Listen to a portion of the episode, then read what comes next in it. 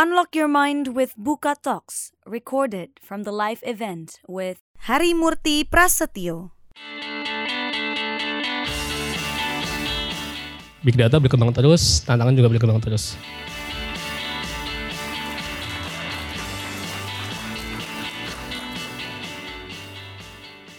Let's join the talks. Ini overview dari presentasi yang akan saya bawakan. Uh, mungkin tadi karena dua sesi sebelumnya sudah menjelaskan da lebih dalam terkait Spark, mungkin di sini saya hanya, hanya akan memberikan brief sedikit terkait Spark. Kemudian nanti sisanya uh, kita ngapain sih di No Limit, kami ngapain di No Limit, uh, kemudian secara sekilas bagaimana kami manage arsitektur pemrosesan data di No Limit, serta lebih spesifiknya adalah bagaimana kami menggunakan Spark di No Limit. Kemudian dari situ akan muncul lesson learn karena memang banyak pengetahuan yang bisa di, yang akhirnya kami bisa gali dari penggunaan Spark dan teman-temannya dan akhirnya adalah what's next. Karena ya big data berkembang terus, tantangan juga berkembang terus. What we do, yang pasti sosial media analitik, kita mengolah data dari sosial media menjadi informasi-informasi yang berguna bagi customer. Kemudian kami juga memiliki sosial media customer care. Uh, simpelnya adalah dengan platform ini customer bisa mengelola sosial medianya untuk melaksanakan customer service di sosial media dari menggunakan berbagai platform sosial media. Kemudian dan terakhir ada sosial media data provider ya karena kami mengstore data di sosial media, uh, kami bisa menyediakan data kasih data mentah dari sosial media. Apa itu Spark? Nah, uh, tadi udah banyak dijelaskan juga. Jadi Spark adalah pemrosesan data terdistribusi, uh, mampu menjalankan ber, uh, banyak job secara sekaligus, secara paralel bersamaan. Nah, Spark ini pertama kali dibuat uh, oleh Databricks yang akhirnya dan kemudian masuk sebagai salah satu anggota dari Apache Software Foundation. Uh, banyak kemampuannya seperti tadi juga sudah dijelaskan bisa base processing layaknya MapReduce Hadoop, uh, streaming processing ada Spark streaming, kemudian ada graph streaming, eh sorry, graph processing, uh, machine learning uh, dan sebagainya. Dan sejak Spark versi 1,6 kalau nggak salah, uh, Spark juga memiliki kemampuan untuk menjalankan SQL di atas data source yang disediakan. Data, data source sendiri bisa berupa dari HDFS, dari HBase, Cassandra, atau menggunakan JDBC yang uh, mungkin teman-teman sudah biasa menggunakannya. Ini sekilas uh, stack yang kami gunakan di No Limit. Uh, ada Node.js, Kafka, AK, dan mungkin uh, uh, di sini yang yang tidak belum tercantum adalah kita banyak menggunakan skala di sini. Jadi di, di banyak pipeline kita menggunakan skala dan Node.js. Untuk distro sendiri kami menggunakan Cloudera dan kita bangun distro ini di atas uh, OpenStack.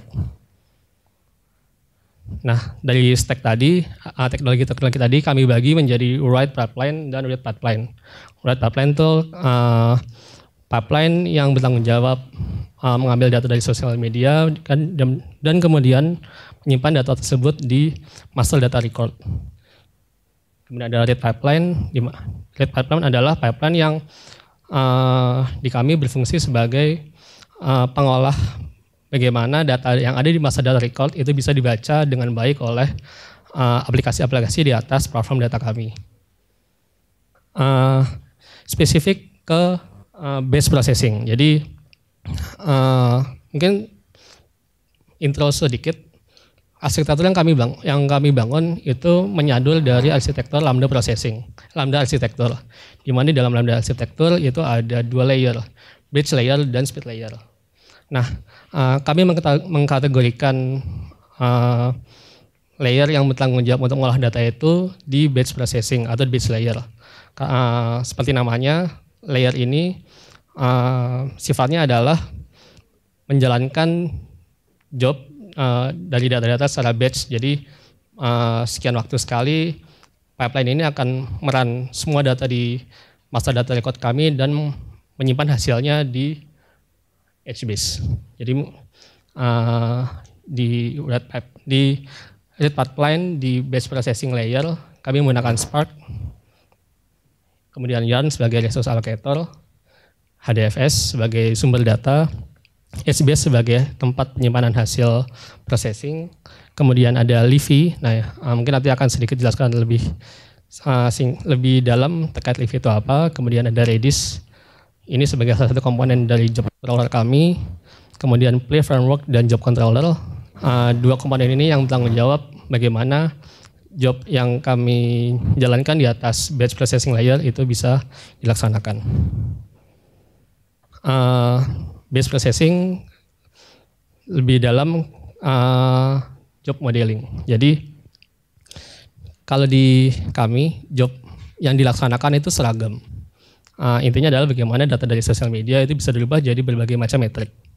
Nah dalam melaksanakan uh, proses ini kami menggunakan sebuah bahasa yang kami ciptakan sendiri di internal pseudo language sepatnya karena mungkin belum belum bisa tepat di di kategorikan sebagai sebuah bahasa layaknya uh, SQL atau bahasa pemrograman lainnya yaitu Compute Query Language di mana di dalam satu di dalam bahasa yang kami ciptakan ini itu mengandung definisi data apa yang harus dilaksanakan bagaimana kami melaksanakan pembersihan data dari uh, noise atau data yang tidak diinginkan kemudian dari data yang sudah dibersihkan mulai filtering uh, proses agregasi apa aja yang harus dilakukan seperti itu jadi uh, apa namanya dengan adanya bahasa pseudo language ini kami dengan mudah bisa mentranslasi bagaimana uh, filtering dilakukan, bagaimana uh, agregasi dilakukan ke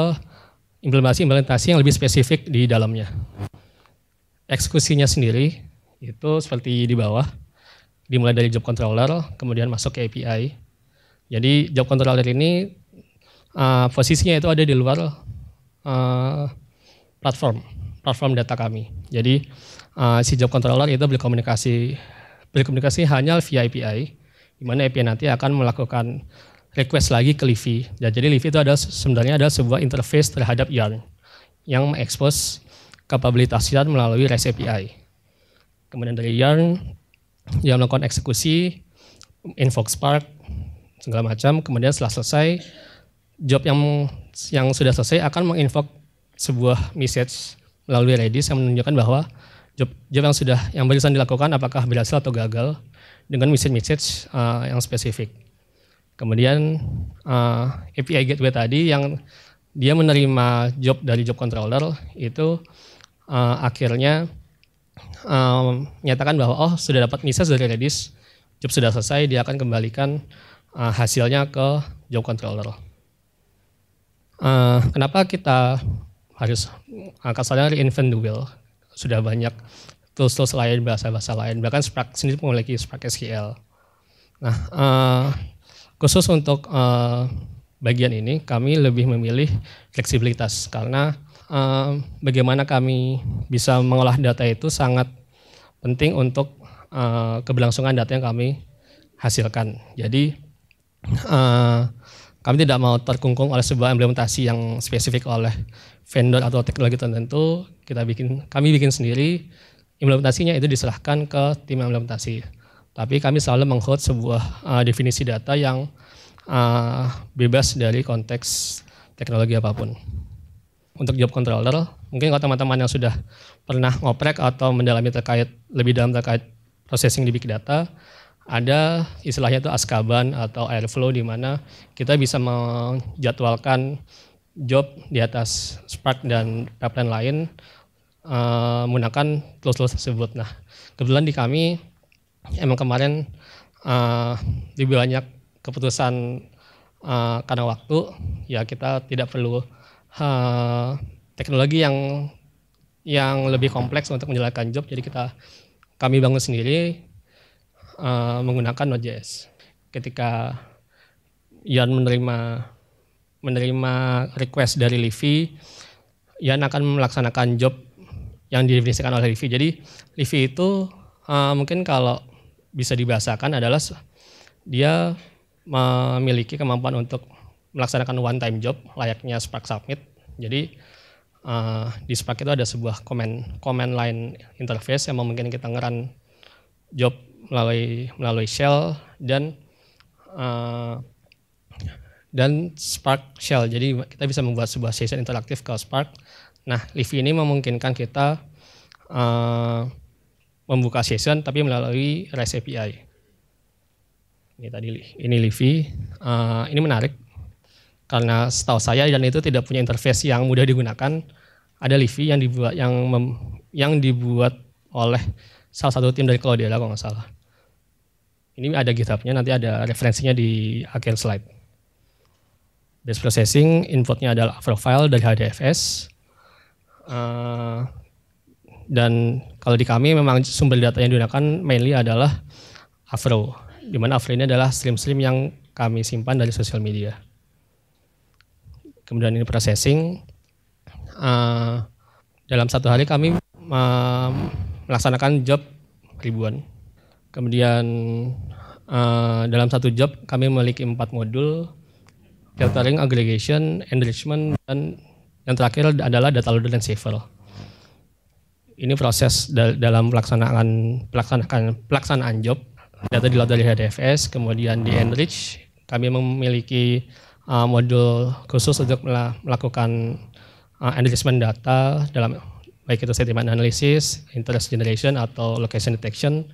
Kemudian di enrich, uh, data itu difilter dan sisa setelah difilter kami uh, agregasi data tersebut menggunakan beberapa uh, function yang kami bikin sendiri yang dibangun di atas Spark. Hasilnya nanti akan disimpan dalam HBase. Nah di Spark sendiri, yang fitur yang salah satu, salah satu fitur yang kami sering gunakan adalah Spark SQL karena uh, Spark SQL ini mirip SQL biasa. Um, layaknya kita bisa select from bla bla bla where bla bla bla di sini kami ubah CKL yang tadi job modeling tadi CKL yang sudah kami buat itu ke dalam uh, Spark SQL. Nah, uh, ini lebih lanjut terkait Spark SQL. Spark SQL di, di, dijalankan di atas sebuah struktur data yang dinamakan data frame, di mana data frame adalah sebuah struktur data yang disiapkan oleh Spark supaya kita supaya kita bisa memodelkan banyak data source ke dalam sebuah struktur data yang uniform yang di, yang dipahami oleh Spark. Nah, yang menarik dari Spark adalah adanya custom function. Uh, custom function ini memungkinkan kita jika kita memiliki sebuah fungsi yang harus mematakan dari sebuah kolom A ke kolom yang baru yang nilainya mungkin harus di split atau harus dikali dua atau mungkin atau yang lain yang mungkin tidak ada fungsinya secara built-in di Spark SQL, kita bisa bangun custom function. Kemudian ada juga user defined aggregate function di mana kita bisa mendefinisikan sendiri uh, bagaimana data data yang sudah uh, di load itu diagregasi. Agregasi yang biasa digunakan mungkin di Spark itu adalah minimum, maksimum, kemudian count sum. Nah, kalau kita memerlukan sebuah agregasi yang lebih kompleks yang tidak ada di Spark SQL atau di Spark, kita bisa buat fungsi itu uh, sendiri hasilnya itu disimpan. Hasil dari komputasi itu kita sebutnya pre-computed view, uh, di mana pre-computed view itu kami bagi dua menjadi hasil hasil metrik dan hasil stream. Jadi uh, ketika jadi nanti ketika ada request ke platform kami untuk menentukan data, misalkan jumlah percakapan dari satu bulan, nah request itu dia langsung ke HDFS, tapi langsung tapi akan mengarah ke HBase di mana data yang udah yang sudah dihasilkan oleh Spark itu uh, dibaca oleh API Gateway. Nah, uh, lesson learn. Jadi kami sudah menggunakan Spark itu kira-kira hampir setahun. Uh, satu hal yang saya juga agak terkejut ketika menggunakan Spark adalah shuffling dari uh, shuff, sebuah step yang digunakan shuffling yang digunakan oleh Spark.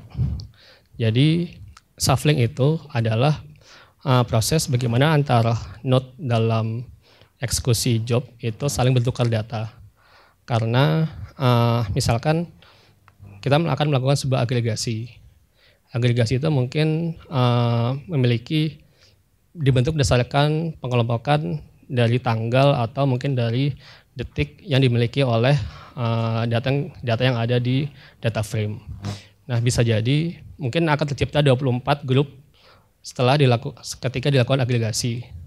24 grup data. Misalkan kita punya satu data 24 jam, kita akan grup dalam 24 jam, berarti akan ada ada muncul 24 grup. Bisa. Nah, bisa jadi data untuk grup di jam 00 itu ada di node 1 dan node 3. Nah, bagaimana data dari node 3 itu bisa pindah ke node 1 itu mem, itu dilakukan di step shuffling dan yang setelah mendalami bagaimana shuffling dilakukan shuffling itu IO bound jadi akan jadi uh, ketika step shuffling ini dijalankan akan muncul temporary file yang dihasilkan oleh masing-masing node dan masing-masing node akan membaca temporary file yang dihasilkan oleh node lain seperti itu di sini di kami ini menjadi sebuah momok karena akhirnya job yang kami lakukan itu tidak bisa berjalan secepat yang kami harapkan.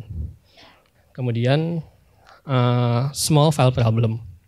Kalau di HDFS itu uh, ada sebuah problem yang sudah bi yang biasa ditemui oleh para pengguna HDFS adalah small file problem. Jadi di mana uh, file yang di di dalam HDFS itu ukurannya kecil, 4 mm, kilobyte, megabyte, tidak sampai giga. Sedangkan uh, HDFS itu memiliki keterbatasan dalam keterbatasan dalam mengstore file-file yang kecil karena akhirnya si HDFS akan dibebani oleh banyak file yang harus dia manage dan akhirnya itu membebani name node dari si HDFS. Spark itu juga memiliki problem yang sama. Uh, lebih spesifik, lebih spesifiknya adalah uh, di Spark itu satu file itu akan menjadi sebuah satu partition memory di job yang nantinya akan menghasilkan satu satu partisi memory akan menghasilkan sebuah eksekusi tersendiri. Semakin banyak partisi memory akan semakin banyak paralisasi yang dilakukan dan akhirnya akan membebani yarn. Kita uh, problem yang belum bisa kami selesaikan adalah small file solve small small file problem. Kemudian kami berencana mengimplementasi speed layer dan kemudian adalah sisanya adalah optimisasi dari pipeline yang sudah kami bangun. Buka aja buka lapak